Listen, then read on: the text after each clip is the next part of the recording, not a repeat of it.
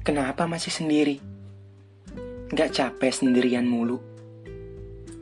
Pertanyaan yang sering banget kita dengar. Saya lebih tepatnya. Terkadang bikin ketawa lucu, tapi gak jarang juga bikin kesel. Kadang saya pribadi suka berpikir, kenapa sih bagi sebagian orang atau bahkan kebanyakan orang, menjadi sendiri itu dianggap sebagai sebuah masalah. Kenapa sih paradigma seseorang terbangun di atas kebersamaan? Kayaknya menjadi sendiri itu ya sebegitu menyeramkannya. Padahal nyatanya nggak seseram itu. Memang nggak bisa saya pungkiri. Terkadang saya iri. Saya iri kalau melihat teman yang sudah jalan ke mana-mana berdua. Apalagi kalau melihat teman yang udah punya pasangan halal. Aduh, nggak kuat deh. Saya juga ngerti, nggak ada yang mau sendiri. Even orang yang terlalu introvert pun butuh pasangannya. Apa pun itu. Karena kalau bisa berdua, kenapa harus sendiri? Ya nggak? Tapi saya bersyukur. Dalam perjalanan hidup saya yang sendiri ini, saya belajar untuk mengenal lebih dalam siapa saya sebenarnya.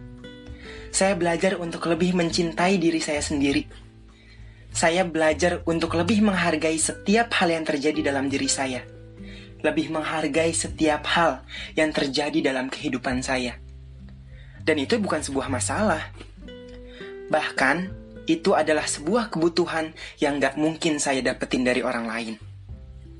Mencintai diri sendiri menjadi bagian terpenting dalam hidup. Yang terkadang dipandang remeh oleh banyak orang. Karena sejatinya, Self-love menjadi kunci dan kisi-kisi.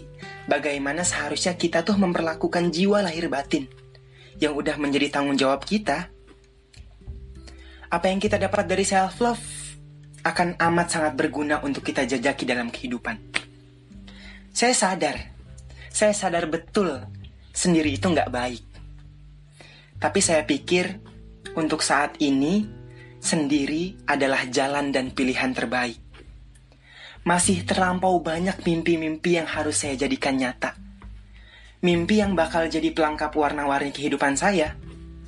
Mimpi yang bisa menjadi kebanggaan untuk diri pribadi, untuk orang tua, bahkan keluarga. Dan mungkin akan menjadi kebermanfaatan untuk orang-orang yang berada di sekitar saya. Orang yang sayang sama saya.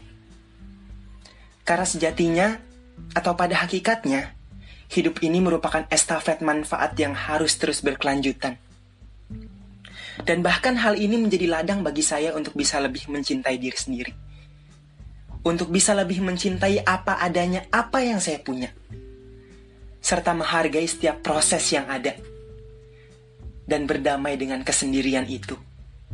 Jadi, kalau ditanya kenapa masih sendiri, saya bakal jawab karena semesta menginginkan saya untuk lebih mencintai diri sendiri sebelum saya membagi cinta untuk yang lainnya.